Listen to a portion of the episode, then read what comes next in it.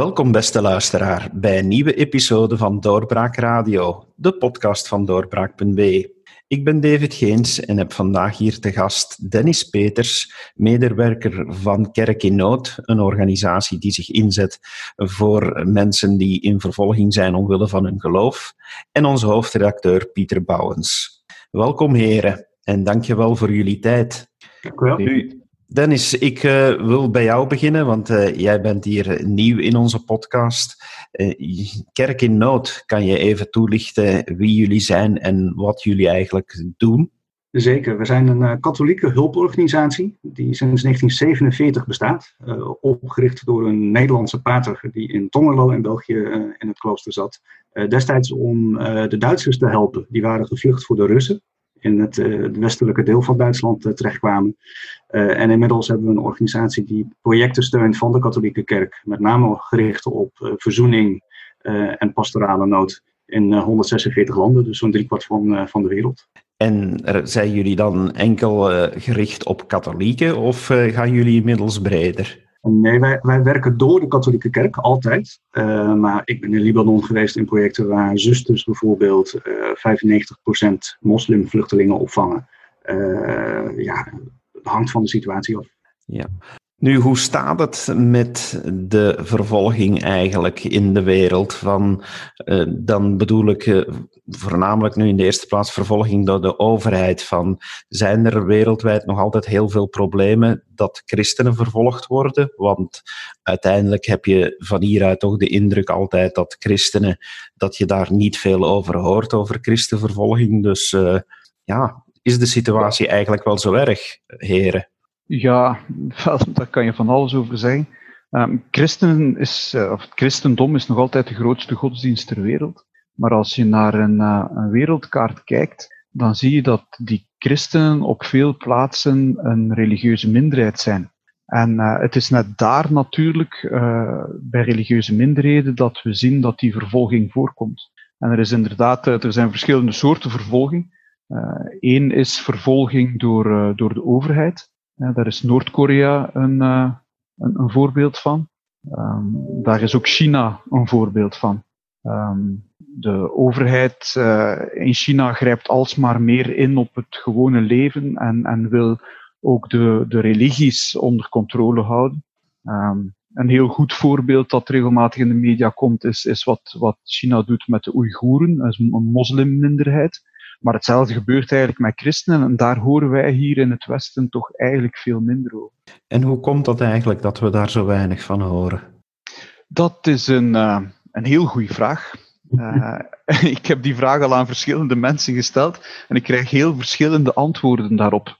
Um, ik denk voor ons in Vlaanderen heeft het waarschijnlijk wel wat te maken met de plaats die de kerk gehad heeft in, in de maatschappij als een echt dominante factor. Uh, daarnaast denk ik dat ook het idee in het Westen over kolonialisme en de rol die de kerk daarin gespeeld heeft, dat dat ook ergens een rol speelt. Maar het is inderdaad een eigenaardige zaak dat je bijvoorbeeld nu wel um, op de Vlaamse, in de Vlaamse media uh, hoort over um, de problemen met, moslims, met de moslimminderheid in India, maar dat je heel weinig hoort over hoe, hoe China bijvoorbeeld uh, camera's met gezichtsherkenning zet bij de ingang van sommige kerken. Uh, om, om dat echt te controleren. En, en ik, ik vind dat heel eigenaardig. En je voelt ook dat daar in de pers weinig animo voor is. Dennis, is, als je dan, dan kijkt van welke, welke voorbeelden heb je van overheid die echt ingrijpt op uh, christenen die uh, willen samenkomen, die hun geloof samen willen vieren. Van, uh, ja, is het, ja, je hebt hier nu eigenlijk de kans om, om eens even voor te stellen van, van kijk maar eens wat er gebeurt in de wereld. Ja, ja. Nou ja, de, de genoemde landen, inderdaad, China en Noord-Korea, dat zijn wel de beste voorbeelden van landen die volledige controle proberen te krijgen over de christenen en ook over andere geloofsgroepen. Um, toch zie je ook dat in heel veel islamitische landen, of laat ik het zeggen, landen met een moslimmeerderheid, uh, er toch wel in de grondwet ook al bepaalde discriminerende artikelen staan, omdat die grondwet namelijk gebaseerd is op de sharia. Dan heb ik het met name over het Midden-Oosten, uh, West-Afrika, verschillende landen. Um, maar moet dan ook meteen zeggen van er zijn ook landen met een moslimmeerderheid, bijvoorbeeld in Centraal-Azië, waar een seculiere grondwet is, uit de tijd van de Sovjet-tijd nog, um, waar de rechten wel weer gelijk zijn. Maar dat zijn landen waar dus uh, de overheid niet alleen puur zang zegt van uh, geloof moet helemaal weg, maar waar christenen wel een, een soort van tweede rangs burgerschap hebben. En uh, daar zien we toch best wel veel landen van. In, in die landen is het eigenlijk ook vooral een probleem voor, voor wie zich bekeert van, van de islam naar het christendom of naar een andere godsdienst, waar soms echt ook wettelijke restricties op zijn. Mensen die, die vervolgd worden omdat ze veranderen van religie. Terwijl dat natuurlijk iets is dat in, in de Universele Verklaring voor de Rechten van de Mens wordt ingeschreven. Ja. In, in het Engels heb je iets meer onderscheid ertussen dan in het Nederlands en het Vlaams, denk ik ook. Um, wij, wij, kennen dan uh, vrijheid van godsdienst. In het Engels heb je freedom of religion en freedom of worship. En in heel veel landen is wel freedom of worship. Dus je mag wel uh, naar de kerk gaan, je eigen geloof beleiden. Maar je hebt dus niet volledige vrijheid om uh, te veranderen van godsdienst, inderdaad. Wat betekent kerk in nood dan voor, voor die mensen die in landen wonen waar de overheid zo hard op ingrijpt?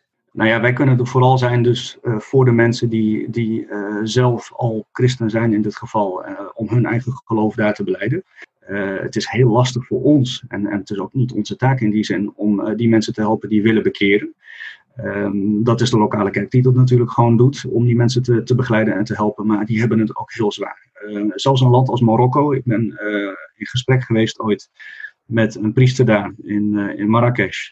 Uh, en die zegt, ik heb hier een prachtige parochie. Heel veel uh, expats, met name uit Frankrijk, een grote gemeenschap, maar ook uit West-Afrika, Nigeria en Cameroen.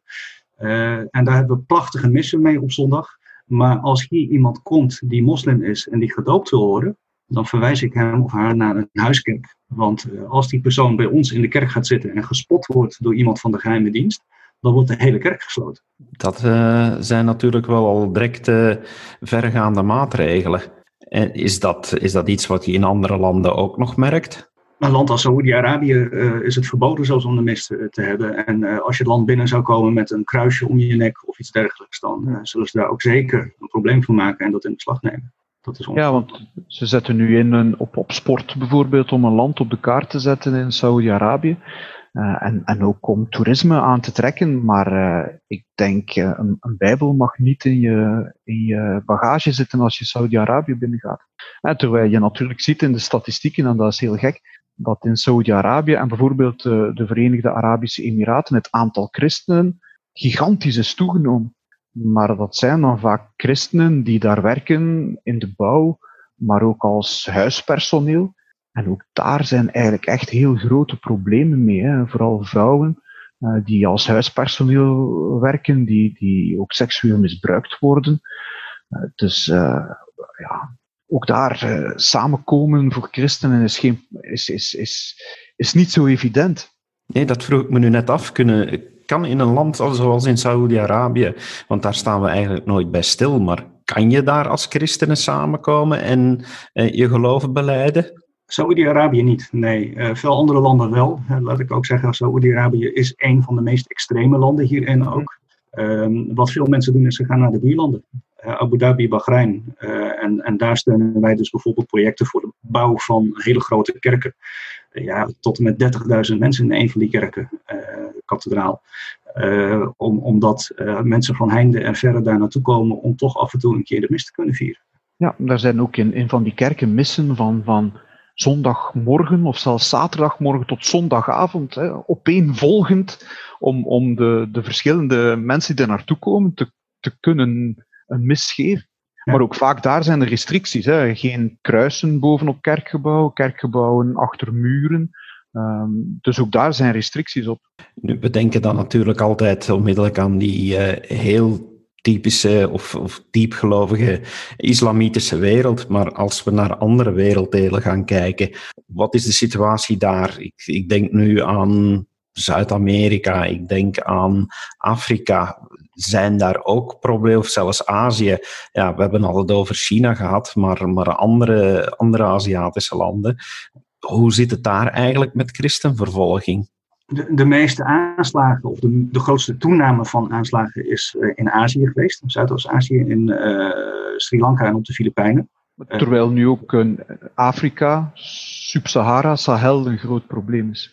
Burkina Faso, met name de afgelopen maanden, eigenlijk sinds vorig jaar maart, april al, uh, dat overspoeld wordt door jihadisten vanuit het uh, noordwesten. Ehm, interessant is ook uh, Latijns-Amerika. Mexico is het land waar de meeste priesters worden vermoord. En de reden daarvoor is dat zij zich vaak uitspreken tegen drugshandel en, en het bendeleven. Hè, en, ook proberen om jonge parochianen buiten de bendes te houden. Ja, en dat wordt hen niet in dank afgenomen. Dus die zijn heel vaak heel gericht doelwit ook van aanslagen. En dan hebben we het echt over, uh, ik meen in de afgelopen twaalf jaar iets van dertig priesters die al vermoord zijn. Ja, doordat de katholieke kerk of doordat het christendom groot is, zijn we eigenlijk wel, hebben we veel documentatie over wat er gebeurt. Er zijn grote organisaties zoals Kerk in Nood of, of Open Doors of In Defense of Christians, die eigenlijk heel veel informatie delen. Dus we weten wel heel veel. zoals bijvoorbeeld in Mexico. Um, een groot probleem in de wereld is eigenlijk wat, wat, wat ik noem een soort ja, religieus nationalisme. Waar, waar de religie wordt verbonden aan de nationaliteit. Je moet een bepaalde religie hebben of je bent um, geen goede uh, Indiër, geen goede ja, Chinees. Geen, in, in Bhutan bijvoorbeeld, een, een, een, land waar altijd met heel veel uh, liefde wordt over gesproken bij ons, ja, daar, daar moet je boeddhist zijn om een echte inwoner te zijn, om echte nationaliteit te hebben. Christenen mogen daar eigenlijk maar echt in huis, kerken samenkomen, mogen in, in het openbaar uh, niets doen, worden scheef bekeken. Uh, dus er is in, in, in veel landen echt nog wel een probleem.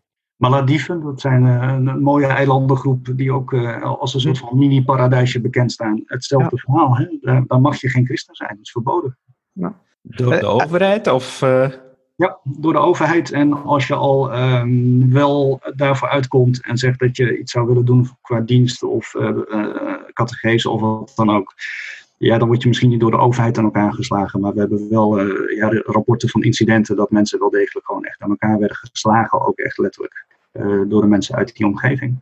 Ja, want dat is dan wat je natuurlijk ook ziet. Er is niet enkel vervolging door de overheid, maar ik kan toch ook wel aannemen dat uh, wanneer je in een overwegend uh, andersgelovige gemeenschap woont, dat die gemeenschap zelf vijandig reageert wanneer je christen bent. Misschien belangrijk in dat opzicht, wij, wij in onze rapporten maken wij onderscheid van tussen eigenlijk drie fasen. Dat we zeggen van het begint met onverdraagzaamheid. En dat komt eigenlijk in alle samenlevingen wel voor in bepaalde mate. ook in België, ook in Nederland. Uh, richting bepaalde geloofsgroepen zal er altijd een groep zijn die onverdraagzaam is. Het wordt een probleem als dat discriminatie wordt. Uh, en dan bedoelen we dat dat structureel wordt en dat het mogelijk ook zelfs, uh, en vaak in, in, in bepaalde landen, um, effect heeft op, op je, je kans op de arbeidsmarkt bijvoorbeeld. Of uh, dat je zelfs in bepaalde wijken of huizen niet zou mogen wonen omdat mensen je daar niet willen hebben. Dan spreken we echt van discriminatie. En dan de volgende stap is wat wij noemen vervolging. En dat betekent dat er echt een campagne is om mensen weg te krijgen, bevolkingsgroepen. Uh, of het leven zo zuur te maken dat ze zelf wel wegtrekken. Ja, en, en vaak speelt ook daar, want dat loopt allemaal wat door elkaar, hè, ook, ook daar speelt, speelt vaak de overheid een rol.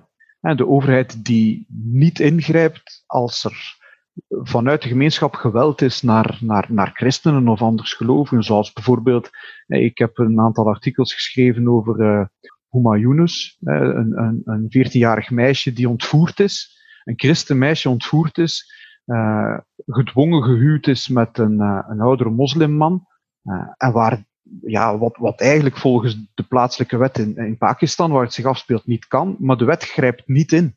En, en dan zie je dat, dat, dat ja, van waar komt, komt, komt de vervolging, de discriminatie, uh, van waar komt dat? Komt dat van de geloofsgemeenschap? Komt dat van de overheid? Ja, het is vaak, vaak een dubbel verhaal. Ja, ja. Ja, het absurde bij Huma Yunus nu is dat uh, het hoger gerechtshof van, van de, de plaats waar zij is, zelfs heeft gesteld dat in dit geval, wat betreft haar meerderjarigheid, want daar ging het om, ja. Uh, dat dus die, niet die officiële wetgeving wordt gehanteerd met de sharia. sharia. Als een meisje ongesteld is geweest, dan is ze meerderjarig. Ja, en dat is toch onbestaanbaar dat een rechtbank in feite een wet naar zich neerlegt om zich te beroepen op de sharia in dit geval. Als we even gaan kijken naar, naar, naar dat meisje dat jullie net noemen van. Um, dat is dus, dus echt wel ja, misbruik wat er gebeurt door, uh, door andere gelovigen. En je haalt het hier nu net aan van ja, de, de overheid grijpt niet in. Is, het dan, ja, is, is dat een alleenstaand geval of zie je dat vaker voorkomen? Zoiets van dat, uh, dat een uithuwelijking wordt gebruikt om bepaalde christengemeenschappen aan te vallen? In Pakistan zeker wel. Eh, in Pakistan is het een bestaand probleem, uh, niet alleen naar christenen, ook naar een hindoe-minderheid bijvoorbeeld. Daar is wel wat documentatie over. Daarvoor is ook in, ik dacht in 2014, speciaal een wet gestemd. En mhm. de wet die ze eigenlijk nu naast zich neerleggen, en waarvan uh, de advocaat van Huma Yunus ook heeft gezegd van ja, die wet is er in 2014 gestemd, is nog nooit toegepast, terwijl het probleem uh, groter wordt, hè, het probleem bestaande blijft. En, en zij zei zelfs met een heel straffe woorden van, uh, ja, die wet is er eigenlijk alleen voor de façade naar, naar de westerse wereld toe. Je moet weten dat er een heel grote, ook militaire samenwerking is tussen de Verenigde Staten en Pakistan. Um, en, en ook om de handel internationaal, hè, en zie eens wel, welke wetten we hebben, maar uiteindelijk wordt die wet niet toegepast. Dat is toch een probleem. Maar goed, je ziet het elders ook. Hè. Um, ook in Egypte hebben kopten vaak heel veel problemen. En, en ja, zie je dat bijvoorbeeld uh, mensen die uiteindelijk aangevallen worden, dan, uh, dan, dan opgepakt worden. Ja. Omdat ze dan toch de aanstokers zouden zijn van de rellen die er zijn. dat is een patroon dat je in verschillende landen ziet. Hè.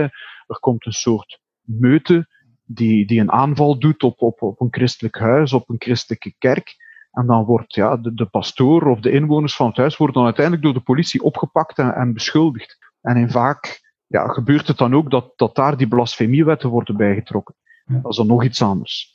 dus dat is wel, dat is wel een, een probleem dat er is.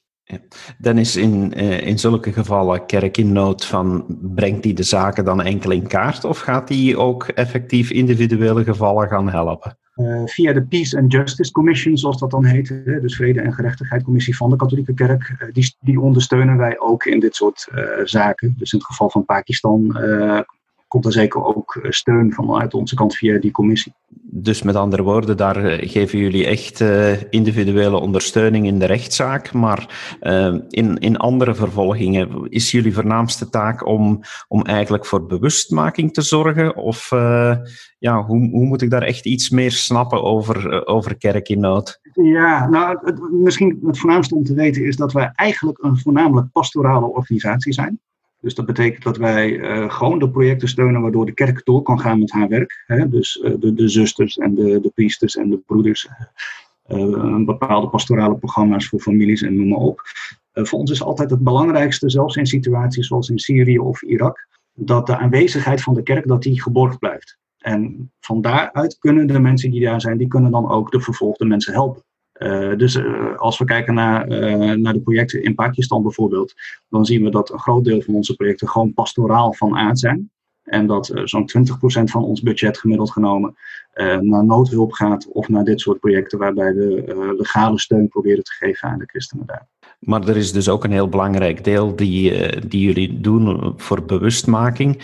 En Denk je dan dat, uh, dat er hier genoeg interesse leeft in, in Vlaanderen om, om te zeggen van ja, we zijn hier als, de, of toch alleszins de gelovigen, maar ook uh, de hele grote groep niet-gelovigen, zijn er zich bewust van dat, uh, dat christenen vervolgd worden elders in de wereld?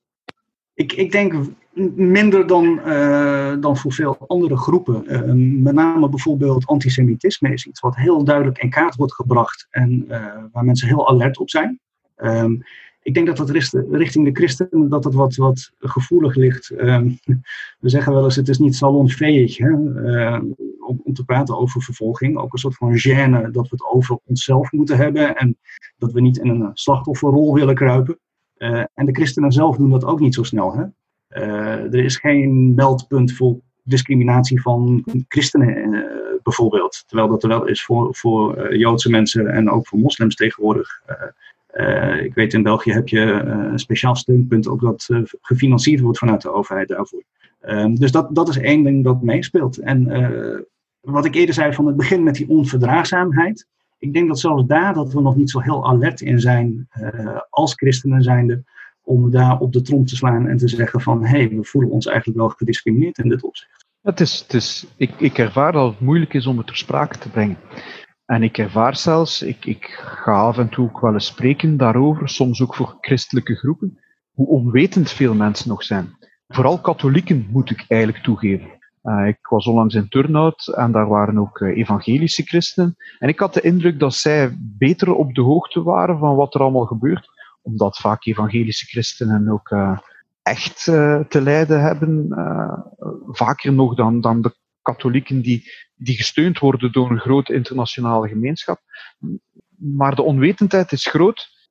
En ik denk dat een, een, een, een, nadeel daarin ook is dat, kijk, wie is daar wereldwijd mee bezig? Ook politiek.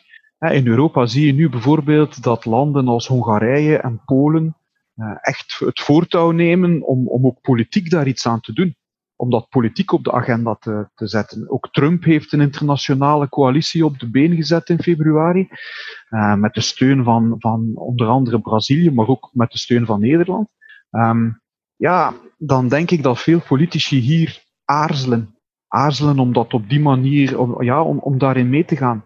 Terwijl Hongarije en Polen eigenlijk echt ja, mooi werk doen, uh, zeker in, in Irak bijvoorbeeld ja. Wij, wij zijn zelf, um, wij, geven twee rapporten uit. Hè. Het ene jaar het rapport over christenvervolging, dat was 2019. En komend jaar, komend uh, oktober, november, uh, weer het rapport over vrijheid van godsdienst voor alle geloven en alle landen. En uh, dat doen we ook heel bewust, omdat we zeggen van ja, het is een recht, een, een, grondrecht, hè, een, een, mensenrecht. Mensenrecht, ja. wat voor iedereen geldt. En als wij dat niet in de breedte ook op de kaart zetten, ja, dan is daar niemand bij gebaat. En uh, we moeten laten zien dat dit een heel belangrijk iets is voor heel veel mensen in de hele wereld. Ik denk dat je er ook moet van uitgaan dat op plaatsen waar christenen als minderheid worden aangevallen, ook andere religieuze minderheden in de klappen delen. Ja. Uh, en en dat, dat je daar als het ware een soort ja, waarschuwingsfunctie hebt, waar, waar wij vandaag goed gedocumenteerd zijn in, in, in uh, vervolging van christenen moeten we ons van bewust zijn dat ook andere, christen, andere religieuze minderheden uh, het slachtoffer zijn. Hè. Irak bijvoorbeeld, uh, waar, waar we weten dat, dat mensen die zich bekeren naar het christendom heel erg vervolgd worden, maar waar er ook kleinere geloofsgemeenschappen zijn, hè, de Baha'i bijvoorbeeld, die echt ook, ook zwaar vervolgd worden ja, ja. Door, door, door de overheid. Dus ja, we moeten ons daarvan bewust zijn. Ja.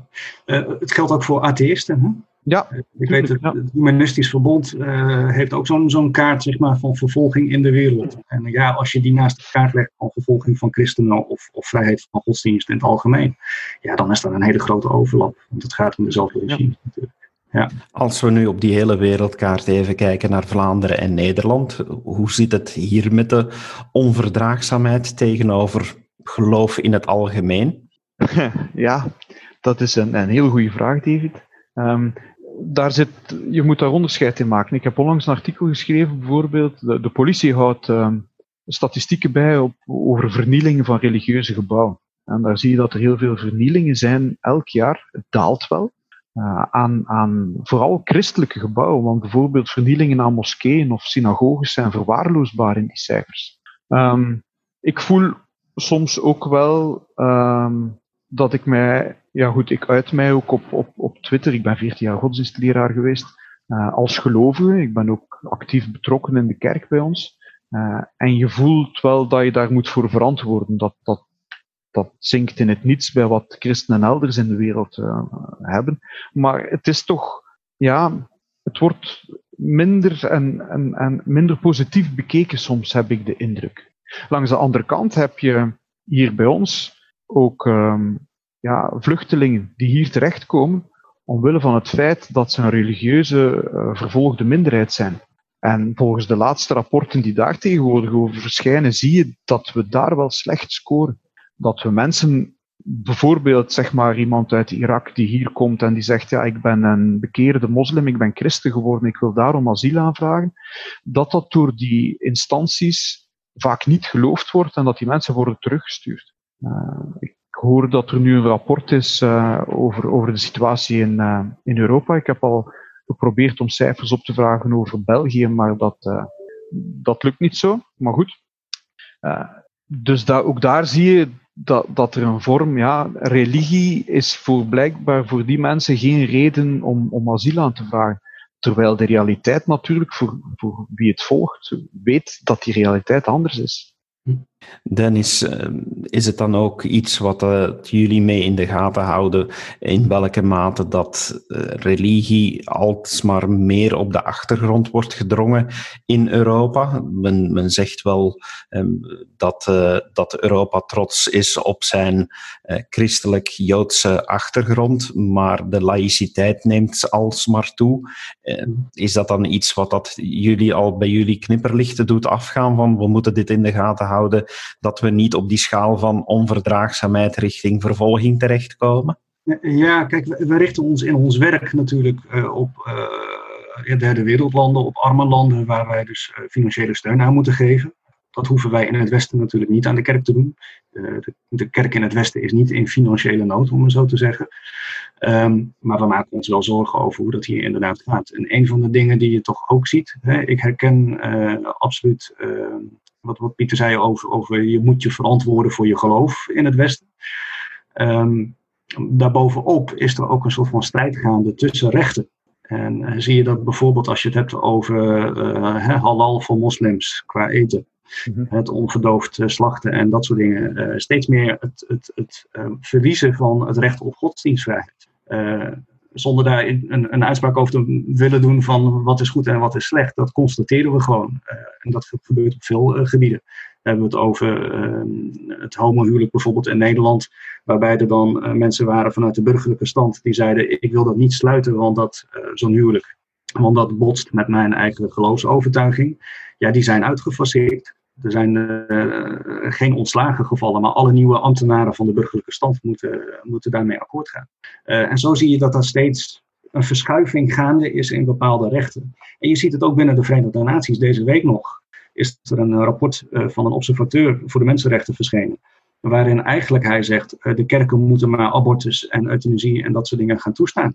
En dat iemand binnen de Verenigde Naties zoiets omschrijft, heeft natuurlijk wel ja, impact in die zin. Maar het, het, wordt hem door heel veel andere landen wereldwijd wordt het hem niet in dank afgenomen. Want die zeggen dit is een vorm van ja, ideologisch neocolonialisme. Uh, het is nu opnieuw het Westen dat aan de rest van de wereld op wil leggen wat het moet gaan geloven. En uh, dat, ja, dat, die botsing die zien we steeds.